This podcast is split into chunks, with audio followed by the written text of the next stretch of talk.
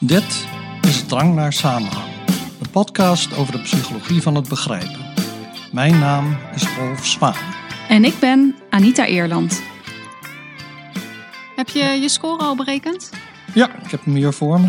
En wat kwam eruit? Ehm, nou weet ik niet of het alle subschalen zijn, maar uh, voor FS had ik 24. Was dat jouw hoogste Ja. subschaal? Ja. Oké, FS. Wat had jij voor FS? Ik had daar het laagste Oh, van de vier subschalen. Ik had er 12 namelijk. En eh, FS, want je zei, ik, ik weet niet wat de subschalen zijn, dat was de fantasy skill. En het gaat om hoe goed je jezelf kunt verplaatsen in eh, fictionele personages. oh ja. Of eh, fictieve personages. Ja, ja dat, nou, dat kan dan wel kloppen. Dat, dat voel ik ook wel zo. En wat was dan jouw hoogste schaal?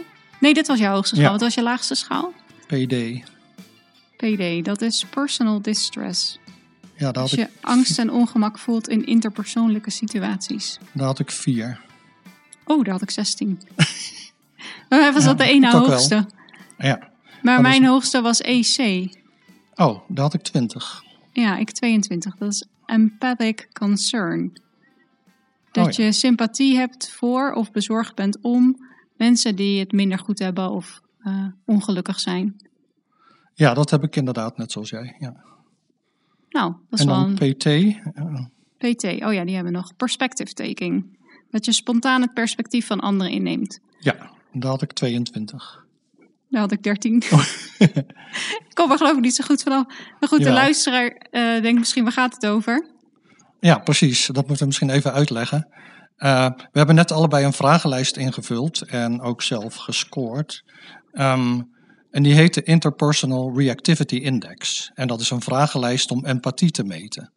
Eh, we zullen de link in de show notes zetten, zodat mensen die schaal ook zelf kunnen invullen. Mhm. En eh, we zullen nu een paar van die eh, items uit die eh, schaal bespreken. Ja, want je zei, dit is een vragenlijst om empathie te meten. Maar we hebben Mhm. het al gehad over verschillende subschalen. Dus verschillende aspecten van empathie kunnen daar dan mee gemeten worden. Ja. Eh, en inderdaad, het is misschien wel leuk om een aantal van die items eh, eruit te halen. Dus bijvoorbeeld, als ik zie dat anderen misbruik maken van iemand, dan heb ik de neiging om die persoon te beschermen. En dat is dan een voorbeeld van een vraag eh, voor empathic concern. Ja, waar wij allebei ongeveer hetzelfde op scoorden. Ja, Ehm, maar ook, ik voel me soms hulpeloos in erg emotionele situaties. Dat is dat personal distress. ja dat heb ik niet. Nee. Nee, dat heb ik wel. Misschien is dat ook wel meer wat vrouwen hebben, maar dat weet ik niet zeker. Nou, dat weet ik niet. Maar het zou kunnen hoor. Maar ik, ik, ik, ik vond deze er heel erg uitspringen als anders dan de andere vragen. Ja, ik vond Ja. juist die vragen, dus waar dan deze, dit een voorbeeld van is. Ik ga erg op in de gevoelens van personages in verhalen. Mhm. Die vond ik juist heel erg anders, want die gingen heel erg over niet de echte wereld, maar ja, dat klopt. Dat vond ik ook. opgaan in een film of een boek. Ja. En eh, dat heeft natuurlijk een link met eh, narrative transportation, waar we het eerder over hebben gehad in Klopt. aflevering 2. Ja. Eh, dat is het gevoel helemaal op te gaan in een verhaal, dus ofwel een boek of een film. En toen hebben we het ook gehad over eh, drie verschillende componenten daarvan. En eentje is dat meeleven met personages, wat dus een Mhm. voorbeeld is van empathie. En dat zie je dus ook weer in deze vragenlijst terug, dat Ja. meeleven met personages een van die aspecten van eh, empathie is. ja, dat klopt. Ja, we gaan het dus vandaag over empathie hebben. Dat lijkt me duidelijk. Maar wat is empathie nu eigenlijk?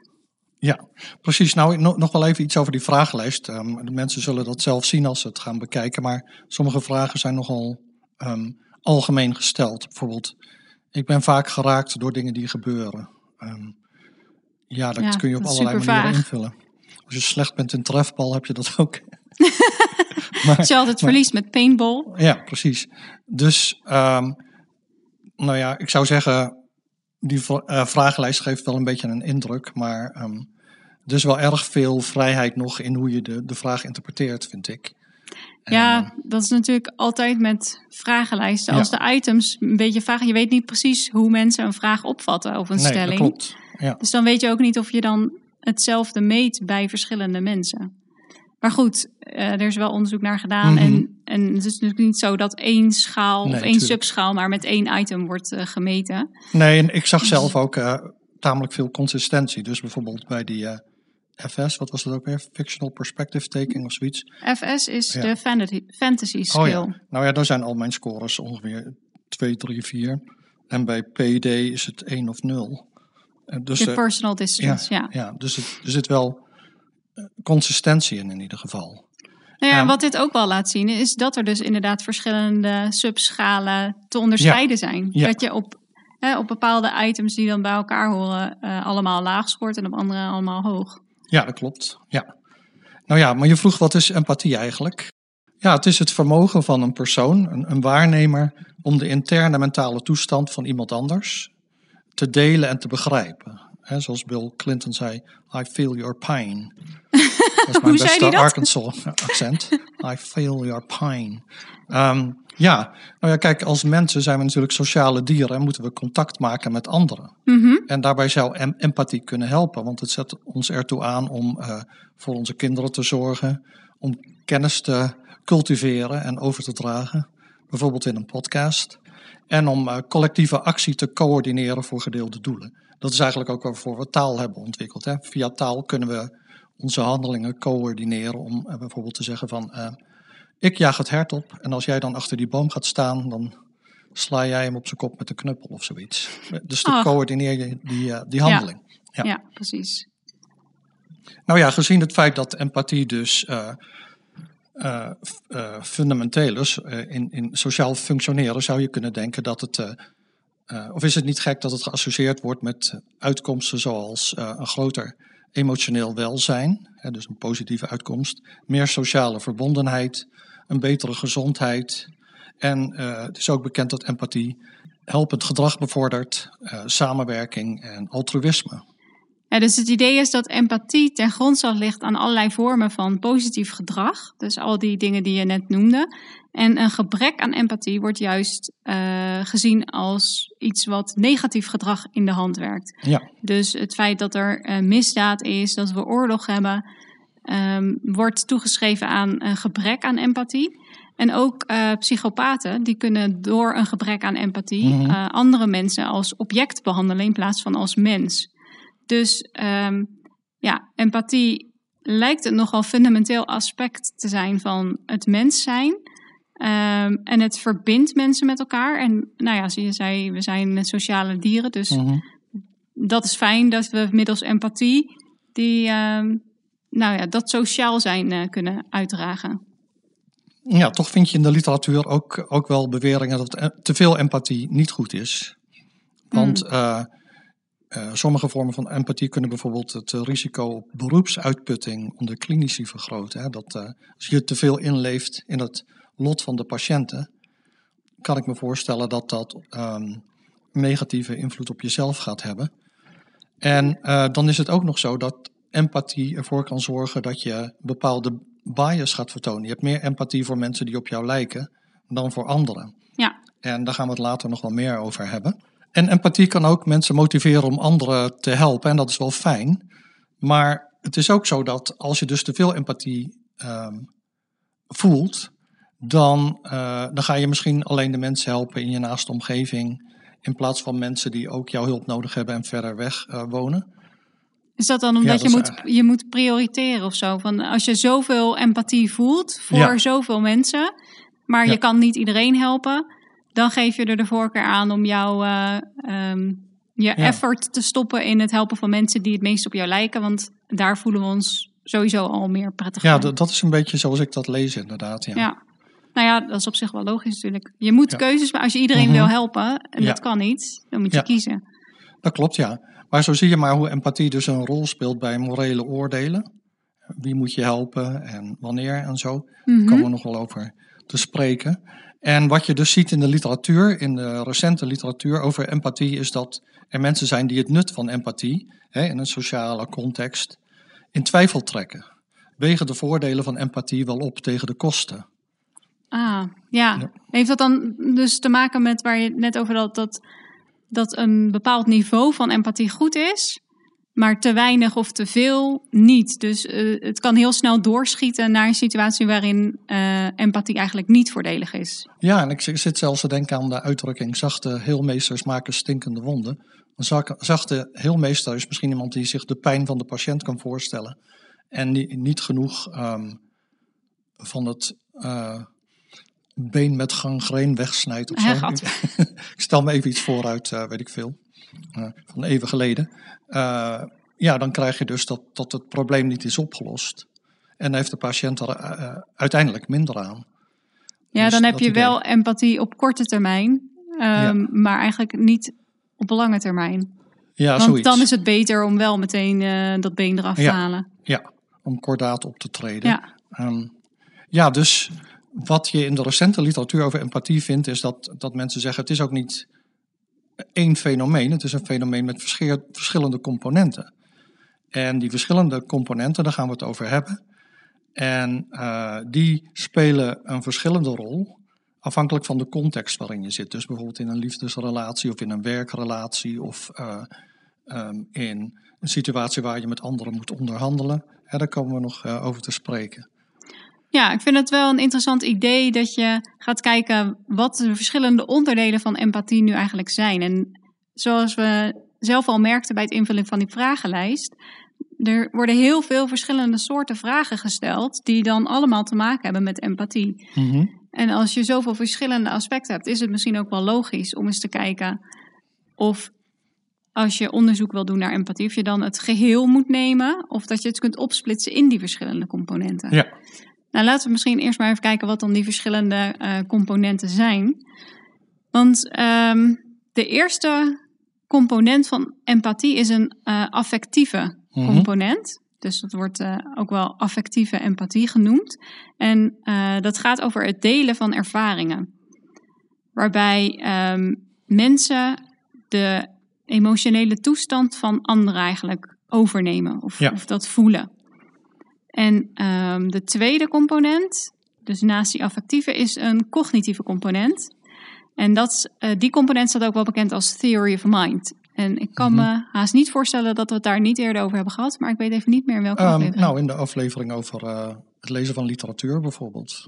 Hmm, Dat het lezen van literatuur, werd daarin gezegd, ehm, eh, leidt tot het ontwikkelen van, van theory of mind, capaciteiten. Ja. Je moet je steeds voorstellen waarom personages bepaalde dingen doen. In die context hebben we het daarover gehad, volgens mij. ja, dat zou goed kunnen. Maar we hebben al zoveel gehad dat ik niet meer precies weet wat we nu in welke aflevering hebben Nee, nee, besproken. nee, dat klopt, dat heb ik ook. Ehm, maar dus die theory of mind gaat erover dat je je kunt verplaatsen in die ander, maar dan meer cognitief, dat je perspectief van de ander Ja. kunt nemen. Dus dat je kunt begrijpen waarom iemand anders een bepaald standpunt inneemt, bijvoorbeeld. En eh, nou, als je dat kunt, dan kun je ook rekening houden met de gedachten en de ervaringen van andere mensen. Ik moet wel zeggen dat, ik, dat dat misschien ook met de leeftijd te maken heeft. Want toen ik die vragenlijst invulde, toen dacht ik, oh ja, dat doe ik nu wel steeds. Maar ik dacht ook, vroeger deed ik dat echt wel een stuk minder. En ik weet wel, eh, toen ik met mijn vrienden over politiek discussieerde, dat als zij wat zeiden, zat ik niet te luisteren en na te denken over wat ik daarna zou zeggen. En zij hadden dat ook bij mij natuurlijk. Ehm, en ja, ik, ik denk met de jaren leer je dan om je te verplaatsen in, in de positie van anderen. En, eh, of misschien heb ik dat laat ontwikkeld. dat zou ook kunnen. Ik weet het niet. Ja, wat was jouw score op die eh, perspective taking schaal? Ehm, Dat was die oh, PT? 22. Nou ja, ik op 13. Oh, Dus misschien moet ik het gewoon over eh, een x aantal jaar nog een keer doen. En dan jij bent nog niet zo ver of het beter gaat. Ja. Nou ja, maar ik, ik denk ook, ik vraag me af of dat nou nu per se ook positief is. Want dat betekent, je verplaatst je in anderen. Maar dat betekent bijvoorbeeld ook dat je ze beter kunt voorspellen wat ze gaan doen. En je kunt ze daardoor misschien beter manipuleren. Ja, maar zo waren die stellingen volgens Nee, mij nee. Die gingen nee. echt over als er, Ja. een, als er oneenigheid is tussen verschillende mensen, dan probeer ik me in elk standpunt te verplaatsen voordat ik een beslissing Ja, neem of zo. Dat, dat, dat doe ik nu veel meer dan vroeger. Ja, ja. Nou goed hoor. Ja. Nou ja, dat weet ik niet. Misschien Nou, het is wel fijn dat jij dat wel doet, want ik doe dat kennelijk niet. Nou, ik heb het idee dat jij dat juist wel doet. Dus misschien ligt het aan de vragenlijst. Of misschien heb ik ergens iets verkeerd ingevuld. Ik weet het niet. nou ja, maakt ook niet uit. Ehm, maar goed, we hadden het over de verschillende eh, componenten van Mhm. eh, empathie. En we hebben de, gezien dat er een affectieve component is en een cognitieve component. Ja, En die twee soorten zijn niet noodzakelijkerwijs verbonden met elkaar. Dus het kan zijn dat je wel met iemand kunt meevoelen. Mhm. Ehm, maar toch de signalen van hoe iemand zich voelt niet kan, goed kan aflezen. En daardoor bijvoorbeeld wel iets kan doen wat iemand anders pijn doet. Dus in principe kun je wel meevoelen, maar omdat je niet de signalen kan lezen waardoor je niet weet hoe iemand zich voelt, Mhm. kun je toch iets doen wat je eigenlijk niet wil. Ja. Ehm, en dan de derde component, dat is ehm, een motiverende component. En eh, er wordt ook wel compassie genoemd, of Mhm. Prosociale bezorgdheid of empathische bezorgdheid. En eh, die component gaat over de wens om het welzijn van andere mensen te bevorderen of om hun lijden te verlichten. Ja, en nou ja, dat zijn dus dan die componenten zo van, van empathie. Mhm. Ehm, en als mensen nu gevraagd wordt van eh, geef eens een eh, voorbeeld van een recente situatie waarin jij empathisch was, dan komen ze vaak met eh, voorbeelden waarin al die drie, alle drie die componenten een rol speelden. Ik zit nu Dus- heel hard te denken even. Maar Wanneer jij voor het laatst empathisch was. ja, ik vind het best wel moeilijk om zo Nee. on the spot daar eh, een antwoord op te geven. Ja. Had ik misschien even moeten voorbereiden. Nou ja, in het artikel hebben ze een voorbeeld. Namelijk, eh, stel je voor dat een ouder zijn kind troost nadat dat kind ruzie heeft gekregen met een vriendje. Mhm. Dan zal die ouder waarschijnlijk de pijn van het kind delen. En de ouder begrijpt ook waarom het kind verdriet heeft. En de ouder voelt zich ook gemotiveerd om dat kind weer op te vrolijken. Ja, Dus dan Dus heb je die heb je drie, die drie- componenten. ja, precies. Maar stel je voor dat hetzelfde kind van streek is omdat het niet nog een ijsje krijgt. Aha. Dan is het anders. Dan begrijpt de ouder wel waarom het kind van streek is. Ja, En wil het nog steeds het kind opvrolijken, maar het wil het kind niet het ijsje geven. En het voelt ook niet de pijn van het kind dat het eh, nog een ijsje hè, dat wil. ja dus dan is die Ja. motivatie sowieso anders, denk ik. Ja, Want de pijn verlichten betekent dat je dat ijsje moet geven en daar heb je dus geen zin in. nee. Nou, dat vind je niet verstandig. Nee, nou ja, ja, precies. Ja. Dus niet dat je zegt, ik heb er geen zin in, dus ik doe het niet. Maar er zit natuurlijk een reden achter waarom Ja. je dat niet wil doen. Ja, klopt. Ja. Ja, Ja, dus zo kun je zien dat je in verschillende situaties, dat verschillende componenten van empathie wel of niet aanwezig zijn. ja. Ja, en in die zin zeggen ze dan ook is empathie contextafhankelijk, hè, afhankelijk van de situatie. En het is gevoelig voor eh, de motivaties en doelen die eh, individuen hebben. En eh, nou ja, daarom verschilt dus ook empathie van situatie tot situatie. En het delen van ervaringen, het innemen van perspectieven en de empathische bezorgdheid, die kunnen vaak samen voorkomen. Maar onderzoekers hebben gezien dat ze toch ook enigszins los van elkaar staan. En eh, nou ja, dat zagen wij eigenlijk ook wel in die vragenlijst, want ehm, ik scoor heel laag op personal distress. Daar zou Mhm. ik dan ook hoog op hebben moeten scoren. Ja, ja als ze allemaal eh, heel hoog Ja. samenhangen, dan Ja. scoor je of op alles heel hoog of op Ja. alles heel laag. Ja. Ja. Maar je ziet inderdaad best wel een wisselend patroon, Mhm. een soort profiel. Ja. Je empathische profiel. Ja, klopt. Nou, ehm, dus eh, daarom is het belangrijk om te kijken naar de context als je empathie wil eh, onderzoeken. Ja, de context is inderdaad eh, belangrijk. En vanuit wetenschappelijk onderzoek naar empathie kunnen we zeggen dat we informatie hebben over hoe die verschillende aspecten of elementen van empathie werken of Mhm. een rol spelen in vier verschillende situaties. Er zijn er ongetwijfeld nog meer, maar dit zijn vier situaties die al vrij goed onderzocht zijn. En wat ik wel leuk vind eraan, want we zullen die verschillende situaties Mhm. bespreken, maar ze noemen dan steeds eerst wat we weten over empathie in het algemeen Ja, uit wetenschappelijk onderzoek. En daarna gaan ze kijken naar wat we dan over die verschillende ehm, componenten kunnen zeggen. Mhm. En de eerste situatie die zij noemen is eh, hulpgedrag. We hebben het al eerder over gehad. Eh, empathie zorgt ervoor dat we andere mensen helpen. Mhm. Ehm, het is dan wel zo dat we door empathie en doordat we ons fijner voelen bij mensen die op ons lijken, dat we die mensen dus eerder geneigd zijn om te helpen dan mensen buiten onze eigen groep. Dus empathie kan wel zorgen voor een bepaalde bias. Ehm, maar als je nu kijkt naar die verschillende eh, elementen van empathie, Mhm. dan, dan kun je eigenlijk zeggen dat ehm, die empathische bezorgdheid, dus de wens om eh, het lijden van andere mensen te verminderen, en het nemen van perspectief van de ander, Mhm. dus eh, je in eh, iemand anders schoenen plaatsen, dat dat eh, zorgt voor meer hulpgedrag. En als je nu kijkt naar die, Mhm. die derde component, eh, dat was het eh, delen van eh, ervaringen. De relatie tussen die component en hulpgedrag is veel complexer.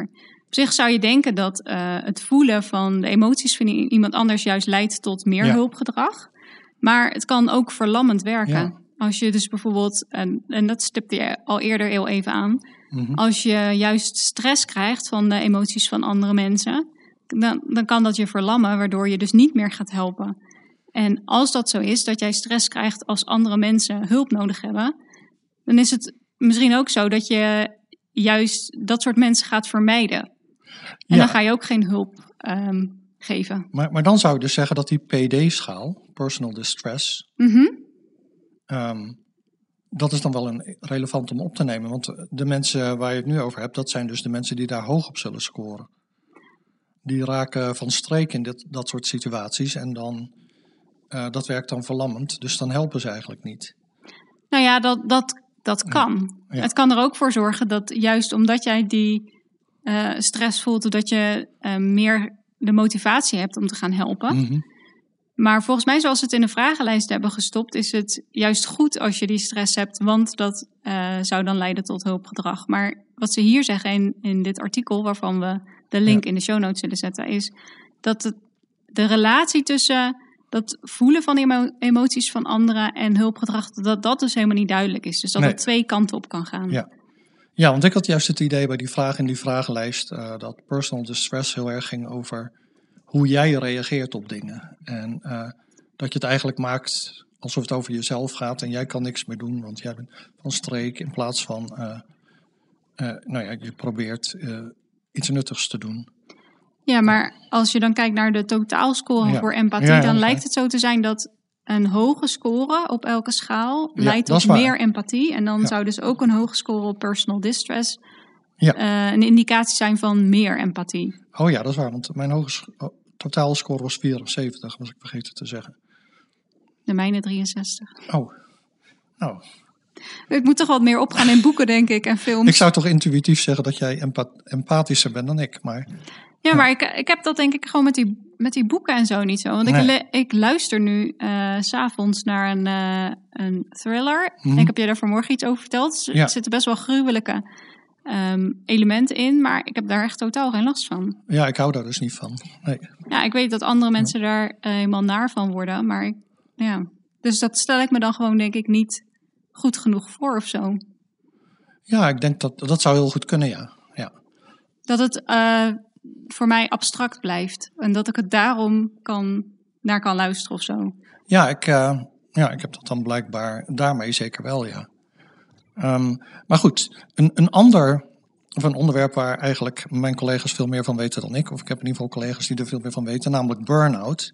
Ehm, daarover vind je veel tegenstrijdige bevindingen in de literatuur. Want als je kijkt naar beroepen in de zorg, dan zie je dat patiënten veel voordeel hebben van empathische artsen. Mhm. Maar de vraag is, is die empathie wel zo voordelig voor de artsen zelf? Ja, Want empathie wordt soms wel eens gezien als een eh, bescherming tegen burn-out. Maar ander onderzoek laat zien dat empathische artsen juist eerder een burn-out krijgen. ja dus daar is die relatie ook eh, niet duidelijk Nee. dan. Nee, dat klopt. Nou ja, daarom is het dus goed om naar die losse elementen van empathie te kijken.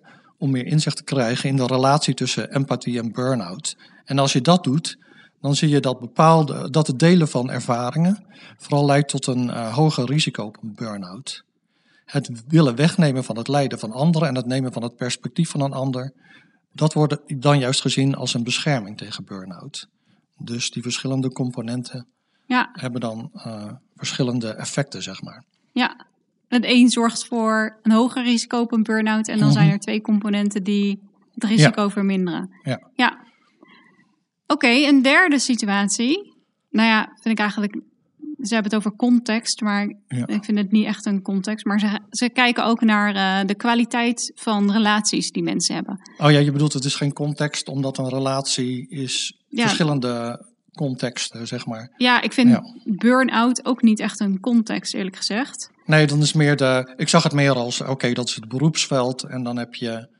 eh, hier heb je dan romantische relaties of familierelaties. Dus Ja, het gaat Zo over het, ja. relaties met familie, vrienden, Ja. maar ook eh, romantische eh, partners.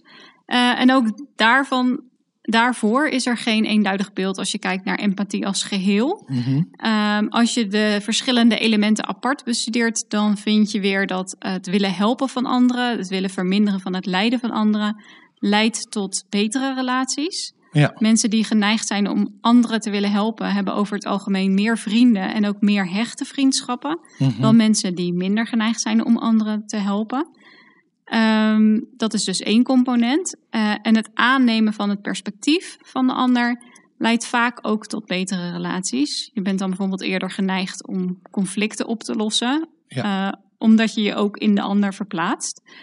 Maar het nemen van het perspectief van een ander kan, er, kan ook zorgen voor minder goede relaties. Ehm, en dan hadden ze het vooral over eh, romantische relaties. Dus als jouw partner bijvoorbeeld denkt dat het beter is om uit elkaar te gaan, Mhm. jij neemt dat over, Ja. dan denk je dat ineens allebei. En dat is natuurlijk, denk ik, niet zo voordelig voor je relatie. Nee, dat lijkt me niet.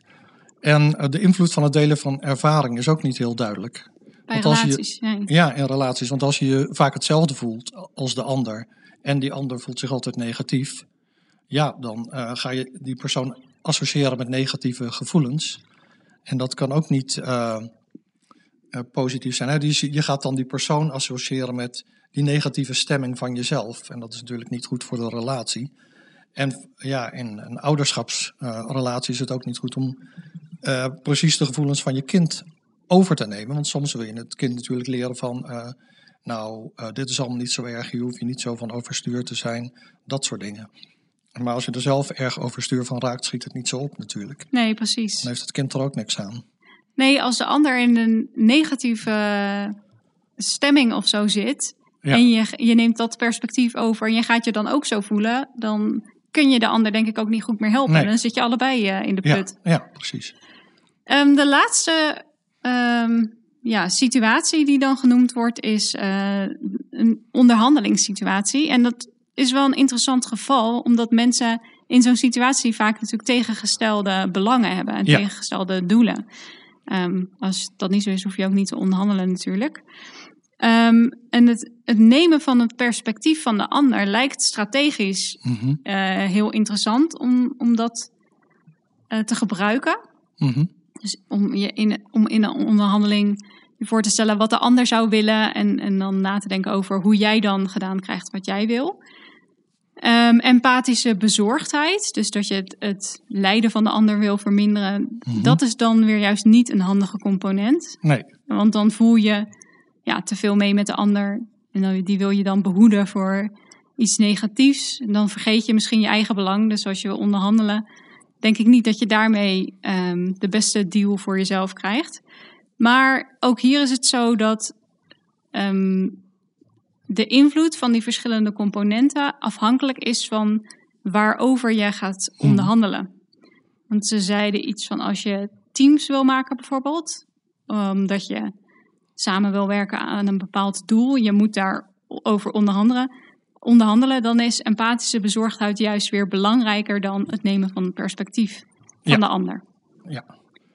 Dus eigenlijk, als we dit zo eh, op een rijtje zetten, dan is er nog maar weinig echt duidelijk over de voor- en nadelen van empathie. En het lijkt me dat we gewoon ehm, beter op een meer gestructureerde manier hier onderzoek moeten naar gaan, Ja. naar gaan doen. Ja, helemaal mee eens. Ik zat trouwens, toen jij zo aan het praten was, nog even te denken over ehm, een andere context waarin empathie misschien belangrijk is. En dat is jouw stokpaardje, dat is Wie is de Mol. Oh god, Dat je Eh, dus ehm, het nemen van het perspectief van de ander, dat is daar waarschijnlijk heel erg belangrijk bij. Ehm, Van- bedoel je dan dat je probeert te verklaren waarom een ander iets doet in een ja, bepaalde van als ik de mol zou zijn, zou ik in deze situatie dit en dat hebben gedaan. Oh, ja, ja, ja. Ja. Ja, dat is ook een strategie die je kunt gebruiken om de mol te ontmaskeren natuurlijk. Van als ik de mol zou zijn, dan zou ik bij deze opdracht in deze Ja. positie willen zitten. Ja, En dan kijken wie daarin zit. Mhm. Eh, ik dacht dat heb jij vast gedaan, want jij, jij bent een van de beste Anita's van Nederland. ja, ik zat in twee eh, pools met Anita's. Ik had het dit, dit seizoen best wel goed gedaan. ja, ja. Ehm, maar ik heb eigenlijk dit jaar niet zo heel hard eh meegezocht. Oh, Dus dit heb ik niet gedaan. Maar dit is wel inderdaad een strategie die je kunt toepassen. om Ja. de mol te ontmaskeren. Maar eh, zondag begint de mol Vlaanderen. Oh. Dat is wel een aanrader voor mensen die eh, Die- wie die- is de mol leuk vinden. Ja, in ieder geval. Dus ze kunnen wel opnieuw gaan zoeken. Ja. Ehm, maar nou even terug naar empathie. Want Ja, ik- jij wou het over eh, wie is de mol hebben. nou ja, even.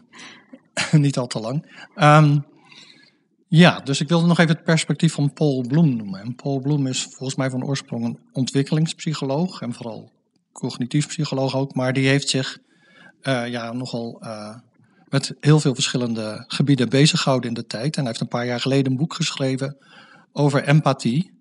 En ook een, verschillende artikelen. En in een van die artikelen eh, zegt hij van empathie is eigenlijk helemaal niet zo goed. Want eh, het is problematisch omdat het bijvoorbeeld dus een bias geeft, hè, wat we al zeiden. Je bent meer geneigd om mensen te helpen die op jou lijken. En ja, en als ik eerlijk ben, is dat ook zo. Ik bedoel, voor, aan de overstroming in Pakistan heb ik niks gegeven. Maar toen er in Limburg een overstroming was, heb ik onmiddellijk eh, geld gegeven.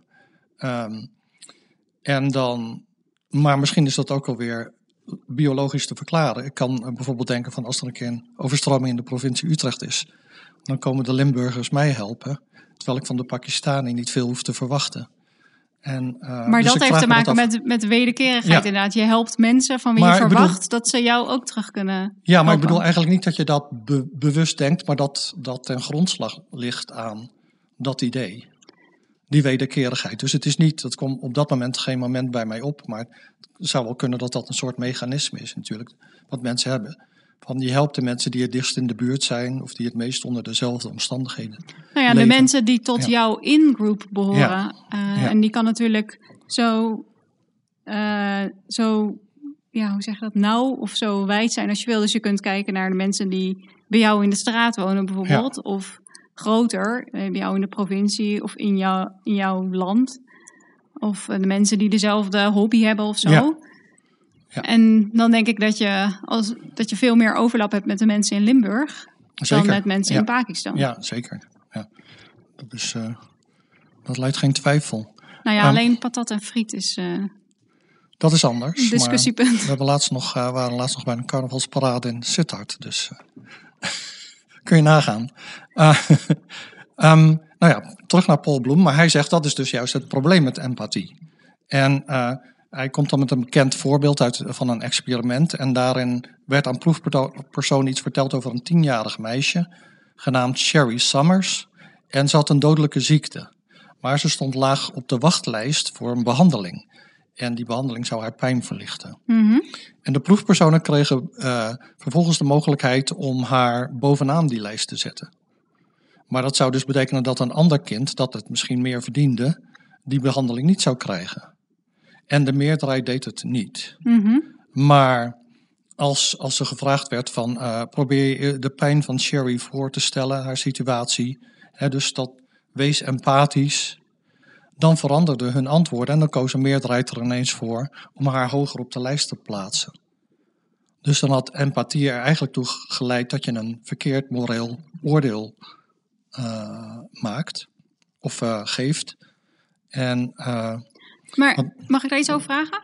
ja, Want zou het dan zo kunnen zijn dat als je dus eh, gevraagd wordt om meer empathie voor die Sherry te voelen, mhm. maakt dat dan dat er minder empathie over is, zeg maar, net als met cognitieve capaciteit voor andere mensen?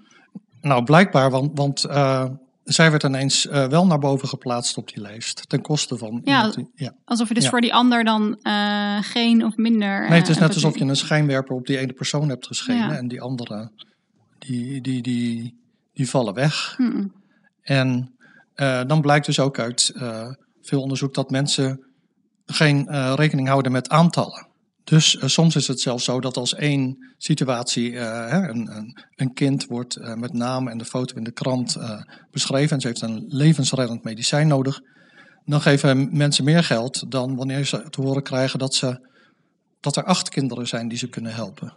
Dus dat ene kind waarover ze meer, geven ze meer geld dan die acht, die, eh, waar, waarmee je dus eigenlijk meer zou kunnen doen.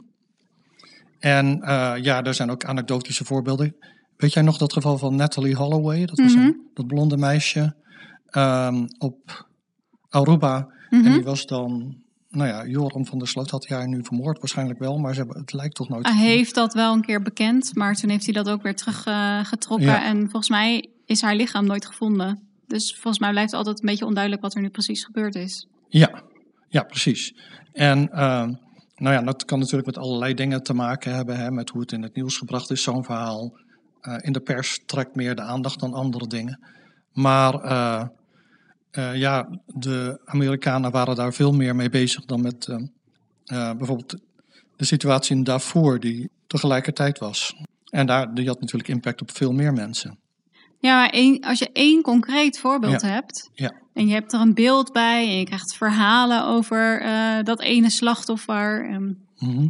dat maakt het veel levendiger eh, dan een grote groep mensen eh, Ja. van slachtoffers, want dat, dat blijft dan toch meer abstract. Ja, en, en dat is dus eigenlijk het punt van Paul Bloem. Dus empathie kan zorgen voor een tunnelvisie. Dus je, je richt de aandacht op één persoon bijvoorbeeld. En het, het leed van eh, eh, andere mensen verdwijnt dan eigenlijk helemaal uit je bewustzijn. En eh, je bent meer geneigd om iets te geven. Als je dus je kunt verplaatsen in een persoon Mhm. dan wanneer je een abstract getal krijgt. Terwijl in principe kun je, als je acht mensen kunt helpen, is dat natuurlijk beter dan wanneer je maar één mens kunt helpen. En ja, Paul Bloem zegt dus niet, we moeten niet empathisch zijn, maar hij zegt, ehm, wat beter is dan empathisch zijn, is eh, mededogen hebben. En daarmee bedoelt hij waardering voor andere mensen en zorg voor hun welzijn, maar zonder noodzakelijkerwijs hun pijn te voelen, à la Bill Clinton. En dus dat je, ja, je hebt natuurlijk wel compassie met mensen, je wil ze wel helpen, maar het is niet zo dat je je laat verblinden door, ehm, laten we zeggen, één specifiek geval. En dat zou dus voordelen voor de maatschappij hebben die empathie op zich dan niet heeft. En hij beweert dan dat in onderzoek dat je kunt aantonen dat empathie en mededogen niet helemaal precies hetzelfde zijn. Dus eh, zijn standpunt is, we zouden meer mededogend moeten zijn en niet per se meer empathisch. Maar andere onderzoekers zeggen, ehm, je kan niet mededogend zijn zonder eerst empathisch geweest te zijn. Dus dat is dan nog een, eh, wel een discussiepunt. Nou ja, en ik denk ook niet dat dat iets is wat je zo bewust kunt sturen. Nee, nee, dat denk ik ook. Dus het zijn eh, gevoelens die, die onbewust ontstaan, Mhm. waarvan je zelf misschien niet eens weet dat je ze hebt, maar kennelijk eh, is dat dan wel zo. Ja. Dat maakt ook dat je het niet bewust kunt sturen of niet kunt hebben. Nee, maar het, het is wel duidelijk dat anderen het sturen. In de pers. En daar hadden we het over in een van de eerste afleveringen. Toen jij het had over narrative transportation. Toen had je volgens mij een voorbeeld van een eh, reclame voor iets. Ja. Was in India en dat was een. Ik weet niet of je het nog eh, de details weet. Maar het was in ieder geval een verhaal over een jongen die zijn opa hielp met iets of zo. Ehm, Ja, volgens mij een meisje en Oh. eh, zij ging dan de, de beste vriend van haar opa van vroeger of zo Oh ja, opsporen. En daar Ja. gebruikten ze dan allerlei, ehm, nou daar gebruikten ze het internet voor en Ja. telefonie en zo. Toen had ze die vriend gevonden en die overgebracht of zo, zoiets. Maar in ieder geval, daarvan was het voorbeeld van dat je dat narrative transportation ook gebruikt wordt in reclame om mensen mee te laten voelen. Goed gevoel te geven over, nou ja, over het product dan kennelijk. Mhm. Maar dan zou het dus, laten we zeggen, als je nu zegt er is niets aan te doen, dan zou het wel helpen als jij dus als nieuwsconsument dat bij jezelf herkende. Ja, bewustwording ja. is altijd een eerste Ja. stap in eh, verandering. En dat is dan toch een soort leermoment uit deze, uit deze aflevering, zou ik zeggen.